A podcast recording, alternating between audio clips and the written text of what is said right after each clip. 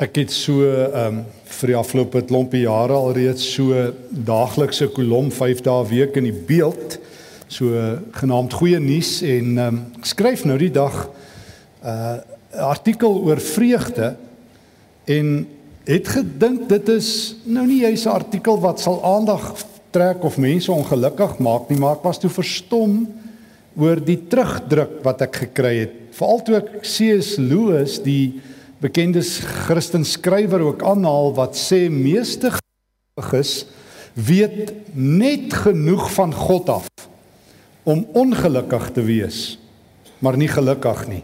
Most believers know just about enough of God to be unhappy but not happy.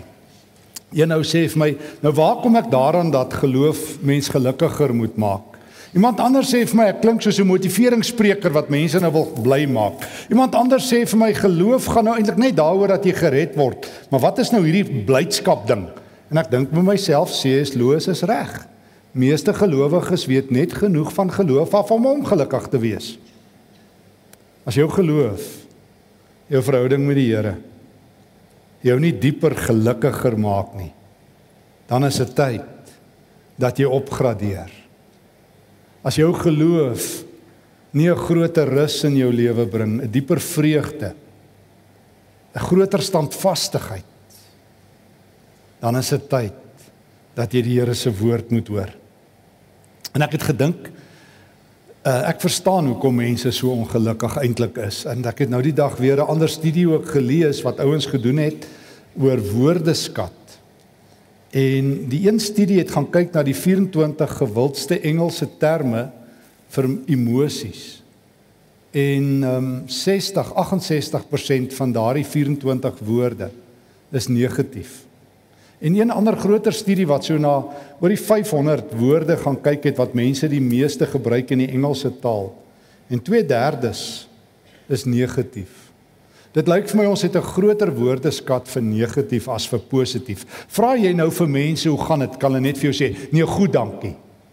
Ek vra nou al vir mense, "Nou, hoe goed gaan dit regtig?" Want ek het nou agtergekom as hulle nou 30 sekondes wag, dan vertel hulle vir jou die waarheid. Maar laat jy nou vir iemand vra wat is verkeerd, hulle kan vir jou in detail vertel wat is verkeerd. Hulle is nie net kwaad nie. Hulle gebruik woorde wat ek nie wil of kan sê nie of gaan sê nie. En mense kan vir jou in kleur en geur vertel hoe ongelukkig hulle is, hoe sleg dinge gaan en wat. Ons het meer taal vir ongelukkigheid en ons voer meer gesprekke daaroor as enigiets anders. Geen wonder nie dat die slim ouens sê bad deserves more attention than good. Sê al die studies, mense gee meer aandag aan sleg as aan goed. En dis 'n slegte ding as jy daaroor dink. En dis toe toe ek nou kyk hoe ouens reageer en hoe dit nou vir my lyk asof baie Christene nou nie eintlik blydskap in hulle lewe baie hoog opgee nie. Toe vat ek sommer net weer my Griekse Nuwe Testament en ek blaai so 'n bietjie deur al die woorde wat oor geluk gaan of oor blydskap gaan. En ek het 'n hele battery vol gekry, oor die 20.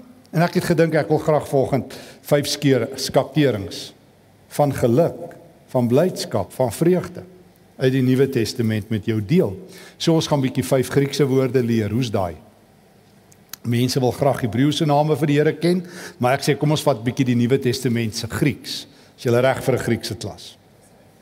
Goed, daar's hy. Hier gaan ons by ons eerste ene. Matteus 5. Makarios. Makarios.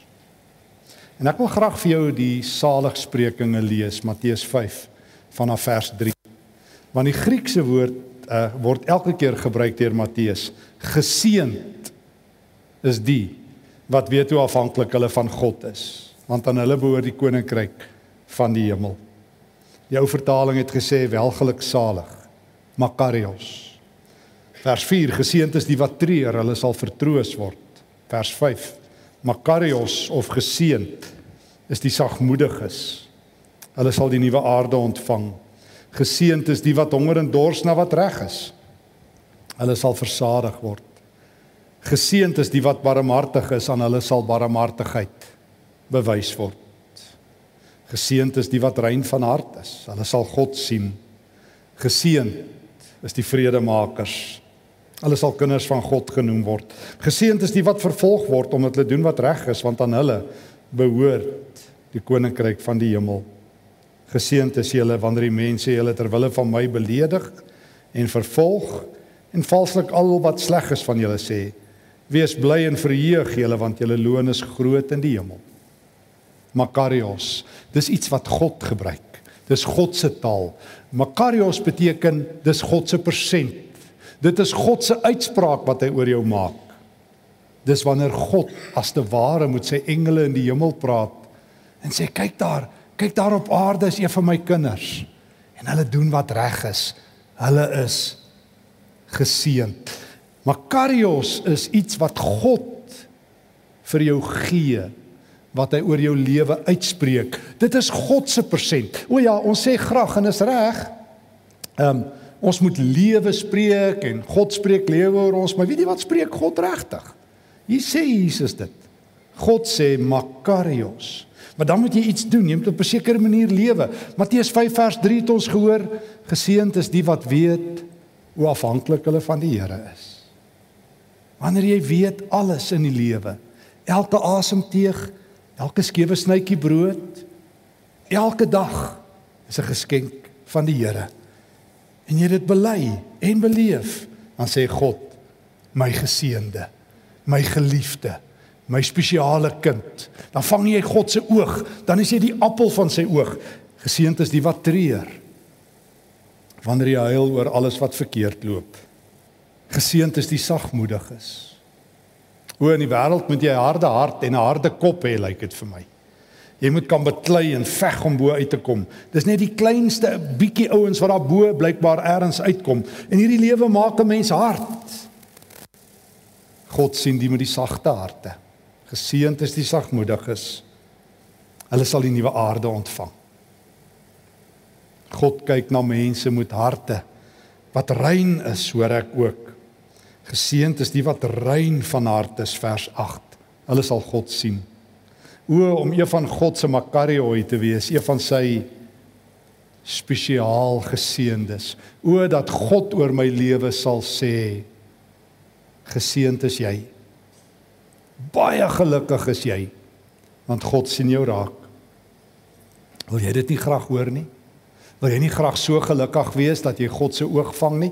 Gaan doen die saligsprekinge. O, en daar's 'n hele klompie in die Nuwe Testament en Openbaring is daar ook deur die loop van Openbaring sewe saligsprekinge. Dis volop. God wil graag graag vir sy kinders sê Makarios. Dis waar dit begin. Vreugde. Ons tweede Griekse woord wat ons gaan leer. Gara. Gara. Dis die Griekse woord vir om vreugdevol in die Here te wees. En die belangrikste teks in my oë is Romeine 14 vers 17 daaroor. Kom ons lees dit net eers. Die koninkryk van God is nie 'n saak van eet en drink nie, maar van gehoorsaamheid aan God, geregtigheid. Dit is 'n saak van vrede en vreugde wat die Heilige Gees vir ons gee. As jy jou Bybel onderstreep verse as jy dalk 'n handbybel het en nie op jou ehm um, selfoon of wat uh, die Bybel lees nie. En jy het nie Romeine 14 vers 17 onderstreep nie. Hoekom nie? Dis die belangrikste teks in die Bybel in die Nuwe Testament wat in 'n neutedop sê waaroor dit gaan, hoe lyk die lewe in die koninkryk van God? Die apostel Paulus gebruik bitter min kere die woord koninkryk van God. Ons Here Jesus doen dit. Maar hier gebruik hy dit en hy sê, weet jy wat is die ABC en die XYZ van die koninkryk van God? Hier is die drie dinge. Dit gaan oor gehoorsaamheid, vrede en gara, vreugde in die Heilige Gees. Dit is die pilare waarop die kerk staan. So God se persentes, hy sê vir jou Makarios, Die pilare waarop jy jou lewe bou is op geregtigheid. God se vryspraak en jou gehoorsaamheid aan hom. Op die Heilige Gees se vrede en op die Heilige Gees se blydskap. Dis die pilare van die geloof. Dit is my interessant dat die kerk dit nooit ernstig vat nie. Kerke beklei oor doop, oor die Heilige Gees, oor die eindtyd. Kerke stry oor mag jy dit eet of dat, moet jy sulke heilige dae hou, maar niemand stry ooit oor die essensie nie, want ek dink nie as ons weet wat is die hartklop van die evangelie nie. Die hartklop van die evangelie is blydskap. Een van die drie pilare. Diep vreugde, gara, die naamwoord om diep in die Here te vrede te wees en vol blydskap. En as jy dit nie in jou lewe het nie. As jy blydskap arm is. As jou lewe een groot trane dal en 'n geklaarry is en 'n ongelukkigheid is. Wat maak jou dan anders as al die ander mense? Wat help jou geloof jou? Paulus vra in Romeine 14. As jy die hele teks lees, vra hy vir mense. Wat maak jou geloof dan? Wat maak jou geloof van jou as dit jou nie tevrede maak nie? as dit nie 'n diep rustigheid in jou bring nie. Wat help dit? Ons het net nou maar gesing dat ons nie slawe is aan vrees nie. Maar die Here vra selfs nog 'n stukkie meer. Hy vra ons moet volgelinge van hom wees wat in blydskap loop. Weet jy jy moet gaan lees in Hebreërs 1. Die Hebreërs skrywer sê toe Jesus aarde toe gekom het, was hy die hoëpriester wat met vreugde gesalf is. Jesus bring vreugde. En sy volgelinge moet dit ook hê. Gara, die pilaar waarop die evangelie staan. As 'n derde woord waarop ek jou aandag wil trek. En dit is die werkwoord, gyro. Ons het nou die naamwoord gekyk. Nou kyk ons na die werkwoord, gyro. Om bly te wees en dis die opdrag. Almal ken, ek hoop, ek dink jy ken Filippense 4 vers 4. Wees altyd bly in die Here. Ek herhaal. Wees bly. En dan ook Kolossense 1 vers 24 waar Paulus weer 'n keer daai woord gebruik. Ek is nou al bly oor al die lyding wat ek ter wille van julle moet verduur. Want die vervolging van Christus het nog nie geëindig nie. Ek verduur my deel daarvan ter wille van sy liggaam sy kerk wees bly hier's die opdrag so ons het eers God se geskenk makarios Dan het ons hierdie pilaar waarop ons geloof staan, Gara. Nou kry ons die opdrag, Gairo, Gairein, wees bly. Glo jy die 10 gebooie? Glo jy die 10 gebooie? Ja. Dis opdragte. Wel hierdie is net so 'n opdrag, wees bly. Jy kan dit maar sê dis die 11de gebod. Wees bly. Ek herhaal, en wees wanneer bly? Wanneer dit met jou goed gaan? Wanneer jy werk het, wanneer die werk vol is? Nee nee, hoor wat sê Paulus, wees altyd bly. Hoor wat sê in Kolossense 1 vers 24. Ek is bly oor al die lyding. Nou jy moet vir my nou nog baie mense in Suid-Afrika wys wat bly is as hulle swaar kry. Jy sal hulle hulle so skaars soos my oupa gesê het soos hoender se tande. Nee, kyk, dis net dit en dat en doerie. Paulus sit in Filippense 4 in die tronk. Gaan lees die hele Filippense brief. Daar hang 'n doodsvonnis oor sy kop.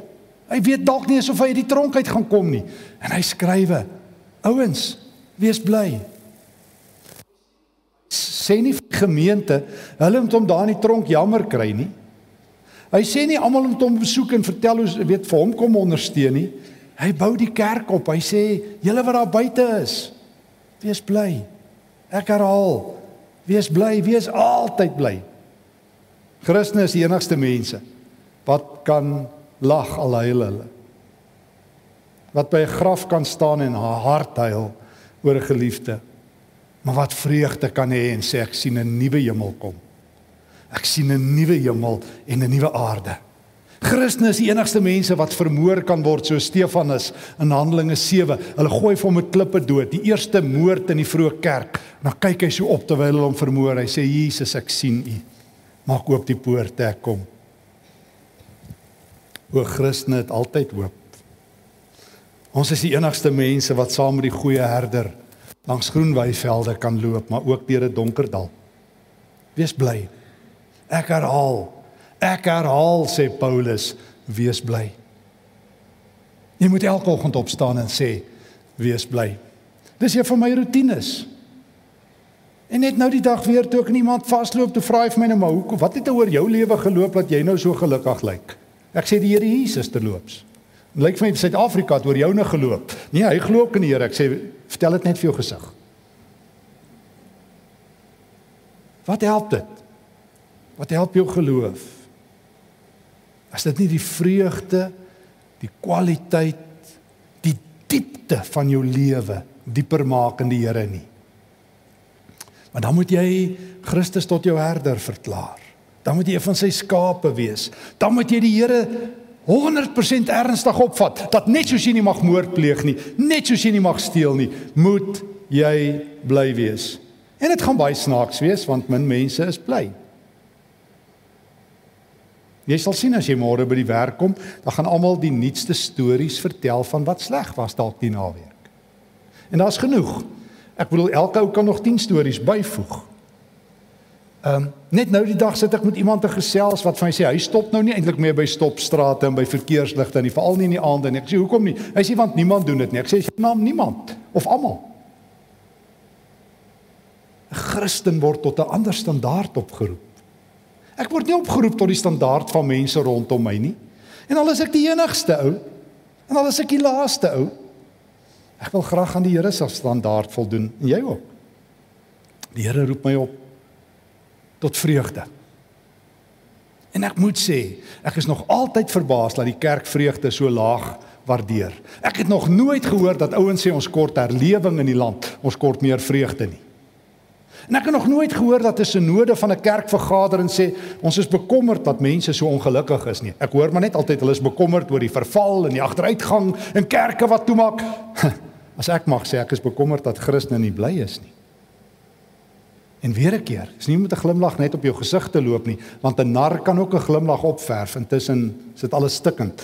Maar dit gaan daaroor dat jy die Here se vreugde jaag en dis nie net 'n emosie nie, dis 'n diep rus in die Here. Dis 'n diep wete wie Jesus is. Dis 'n vaste wete ek het die hemel gesien. Christus is my Here. Die Heilige Gees is by my.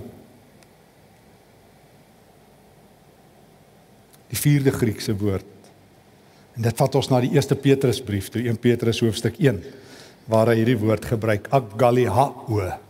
Agalihao. Dis eintlik ehm um, dis bietjie meer van emosie ook. Dis bietjie uitbundigheid. Dis bietjie daai dat jy dit so in jou bene voel. Dis so bietjie daai dat jy jou hande amper wil klap, dat jy wil dit so bietjie oor jou lippe laat borrel. Agalihao. Dis wanneer hierdie diep innerlike vreugde uitlek dat jou hande agterkom jy's bly en jou voete dit agterkom en jou hart dit agterkom. Petrus skrywe, kom ons lees 1 Petrus 1 vers 6 tot 8. Hy sê verheug julle hieroor. Dis nou pas nadat hy vertel het van Christus wat vir ons alles betaal. Selfs al is dit nodig dat julle vir 'n kort tydjie bedroef gemaak word. Hoor jy weer die teenstelling? Wees baie vreugdevol al is jy bedroef. Net Christus kan dit regkry. Dat jy kan huil maar nog steeds vreugdevol wees sodat jy vir 'n kort tydjie bedroef kan gemaak word deur allerlei beproewings sodat die egtheid van julle geloof getoets kan word. Julle geloof is baie kosbaarder as goud, goud wat vergaan. Selfs die suiwerheid van goud word met vuur getoets en die egtheid van julle geloof moet ook getoets word sodat dit lof en heerlikheid en eerwaardig mag wees by die wederkoms van Christus. Hom het julle lief al sien julle hom nie Deur in hom te glo al sien julle hom nie nou nie, het julle reeds deel aan die saligheid wat die einddoel van julle geloof is. Petrus sê, ouens, julle moet een ding weet, geloof gaan getoets word. Enigiets wat die moeite werd is, word getoets. Jy wil nie in 'n nuwe motor klim wat nie baie goed en baie lank deur die vervaardiger getoets is nie. Jy wil seker wees as jy na 'n motor klim, daar's 'n waarborg op daai motor dat hierdie motor kan 'n stamp 'n bietjie vat Sy engine gaan nie uitval op 60 km nie. Jy soek iets wat getoets is. Geloof dieselfde. Ons leef bietjie in 'n wêreld blyk vir my al hoe meer deesdae wat die wat so verbruikersgeloof is. Ehm um, nou as jy verbruikersgeloof wil hê, daar is sulke ehm um, TV-programme jy betaal 100 100 dollar dan kry jy drie wonderwerke. Jy kan dit gaan doen. Dan gaan dit oor jou. God is in jou diens. Hy's 'n een-stop religieuse diens en hy moet vir jou werk. Maar wanneer jy waaragtig die God van die woord volg, dan sê hy jou geloof moet ook getoets word. En partykeer gaan dit swaar wees. En die kuns is selfs as die lewe hard is om 'n bietjie vreugde te hê. Al sit jy in die tronk saam met Paulus om 'n loflied te sing. Al um, is jy werkloos om op te kyk en te sê die Here is my hoop. Vreugde in die Here. Al word jy 'n kort tydjie bedroef. Nou Petrus gebruik die beeld van goud wat gebrand moet word om skoon te kom. Ek onthou ek het eendag die storie gelees van 'n silversmid, iemand wat met silwer werk. Toe vra iemand van hoe weet jy wanneer die silwer genoeg gebrand het in die vuur? Wanneer is dit reg? Toe sê hy wanneer ek my eie gesig daarin kan sien. Nou dis wat God doen. Hy wil sy eie beeld in jou sien. En weet jy wanneer is God baie bly? Wanneer hy vir jou kan sê Makarios. Mooi so. Al is jy die enigste een, jy is sagmoedig. Jou hart is rein. Jy is die een wat treur oor die regte dinge. Jy jaag geregtigheid na. Jy leef die lewe wat ek van my kinders verwag. Makarios, geseënd is jy. En vir jou wag daar in die hemel, soos 1 Petrus 1 sê, 'n kosbare skat. Ons laaste Griekse woord. Soen gairo. Soen gairo. Dis daai selfde woord wat ons nou raak geloop het. Die opdrag Filippense 4 gairo opdrag, maar hier is dit net soen in Grieks beteken saam met. Soen gairo. Wees bly saam met. Kom ons lees. Ons Here Jesus gebruik dit in Lukas 15 vers 3 tot 10. Hy vertel daai twee baie bekende gelykenisse. Kom ons lees. Toe vertel Jesus vir hulle hierdie gelykenis. Sê nou, een van julle het 100 skape en een van hulle raak weg. Wat doen hy dan? Hy laat die 99 in die veld staan en gaan agter die een aan wat weg is totdat hy hom kry. En as hy hom kry, is hy bly en hy tel hom op sy skouers. As hy by die huis kom, roep hy sy vriende en bure bymekaar en hy sê: "Soen Gairo, wees bly saam met my, want ek het my skaap wat weg was weer gekry." Ek sê vir julle, net so sal daar ook in die hemel blydskap wees oor een sondaar wat hom bekeer, eerder as oor 99 mense wat reg doen en nie bekering nodig het nie. Of watter vrou wat 10 silwermuntstukke het en een raak weg, steek nie 'n lamp op en vee die huis uit en soek sorgvuldig totdat sy dit kry nie. En as sy dit kry, roep sy haar vriendinne en buurvroue bymekaar en sê: "Soen Gairo, wees bly saam met my want ek het die geld wat weggeraak het weer gekry." Ek sê vir julle, net so is daar blydskap onder die engele van God oor een sondaar wat hom bekeer. Blydskap is te veel vir een mens. Dis die snaakste is ons kry dit baie reg, baie maklik reg met ongelukkigheid. Een ou wat ongelukkig is, steek sommer almal aan. Het jy ook al gevoel as jy baie keer so in 'n vertrek inloop en daar's so een ou dik klip lank gesig, dan is die atmosfeer sommer so laag. Ek sê party mense is so skoolsuurgas. Dis al wat hulle in en uit asem. Jy voel sommer nou moet jy 'n venster oopmaak want dit is net negatief en bedruk. Maar Jesus sê blydskap is aansteeklik. Sy blydskap, soen gairo. Hy sê daar daar's net een soort blydskap wat hemel en aarde verbind. Het jy gehoor en die engele is bly en Jesus is bly in die hemel en hier op aarde is mense bly. En dis wanneer verlore mense gevind word.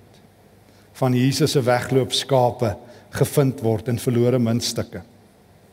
Ek onthou en ek dink ek het al een keer op die storie hier vertel, maar ek onthou ek um, so een episode baie duidelik oor oor oor hierdie soort vreugde. Ek moes eendag daar in Pretoria by Morletta Park gemeente preek en daar kom toe 'n paar mense by die diens tot bekering en na die tyd bid ek saam met een jong dame wat ehm um, die Here baie nodig het en sy huil verskriklik. Sy het 'n geweldige um rowwe lewe en die Here het daai aand op 'n wonderlike manier daarin getrek en sy gee haar lewe vir Christus en terwyl ek sommer net saam met haar gebed doen, sien ek hoe hardloop iemand na ons toe. Ek sien net so skade weer en ek onthou ek dink myself hierdie ou moet breek anders te hardloop by ons almal in die hemel in. En toe ek so opkyk, toe sien ek is ou Pine Pinaar. Nou Pine was 'n vegvlieënier in die lugmag en hy kom so vinnig soos jy van daai jets aan. Maar onthou Pine het 'n baie baie rowwe lewe geleef. Sy familie het gesê nie eens die Here kan hom red nie en toe verras die Here hulle. Ek onthou hulle het gesê sy beste vriend was Johnny Walker vir 'n rukkie. Ek weet nie, ek ken nie daai Engelse ou nie, maar dis Engelse vriende van hom. En hierdie Engelsman was te stadig vir Pine. Want Pine is Johnny Runner, hy wou Johnny Runner as 'n vriend hê. Toe kry hy nou ongelukkig hy aanhou, so hy was al die tyd voor die eerste een.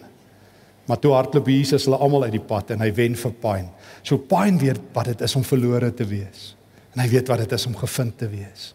En toe hy by hierdie meisie kom, ek sal dit my hele lewe nooit vergeet nie, tel hy haar op En hy begin so in die ronde dans met haar. Hy sê: "Wa welkom in die koninkryk van God. Welkom, welkom, welkom. Jy was verlore en jy's gevind. Jy is by die Here. Hy het jou lewe gered vir altyd." En ek het gehoor hoe klap die engele hande en ek het ges, ek gedink Jesus roep uit die hemel uit: "Makarios, my kind." En ek het gedink: "O, as elke Christen net een so ervaring kan hê, net een keer in hulle lewe kan sien hoe die Here 'n brandhout uit die vuur ruk." Want ek ken baie Christene wat hulle lewe deurgaan sonder om ooit te sien hoe die Here iemand red wat ooit daai ervaring het. Vir meeste ouens is vissers van mense net mooi teorie. Ek ken iemand wat iemand na die Here toe gelei het of wat. Maar wanneer die Here mense optel. En weet jy wat? Jy kan hierdie vreugde gewoon nie vir jouself hou nie. Dit lek uit. Nou, hier's die ding. Daar's genoeg hoor stories in Suid-Afrika. En genoeg redes. Ons leef in 'n harde land, feit. Maar geliefdes, ek en jy is geroep tot Jesus se standaard. Ek is nie geroep tot die standaard van al die dik klippe en die lang gesigte en die klaarkouse en die ouens wat in moed verloor se vlakte bly en al die goeie stories nie. Ek is geroep al huil ons om te lag. Al treur ons om te gallia o om vreugdevol te wees. Ek is geroep om God se oog te vang, nie ander mense in die eerste plek nie. En God wil graag vir my sê, Makarios, geseënde, welgeluksalig, baie gelukkig is jy omdat toe al die ander ouens in die donker ingestap het, jy die lig was. Toe almal hoop verloor het, jy my hoop was. Makarios. En ek wil graag my lewe bou op die pilaar van Romeine 14. Vreugde, gehoorsaamheid en vrede. En ek wil graag God se opdrag in Filippense 4 ernstig vat. Verbly jou in die Here. Ek wil graag 'n vreugde dans saam met 1 Petrus elke dag dans. Dat die Here my louter en hoe meer hy my louter, hoe meer gaan blydskap in my lewe na vore kom dat ek selfs in harde omstandighede in alles kan dankbaar wees 1 Tessalonisense 5. En ek wil graag hierdie vreugde deel.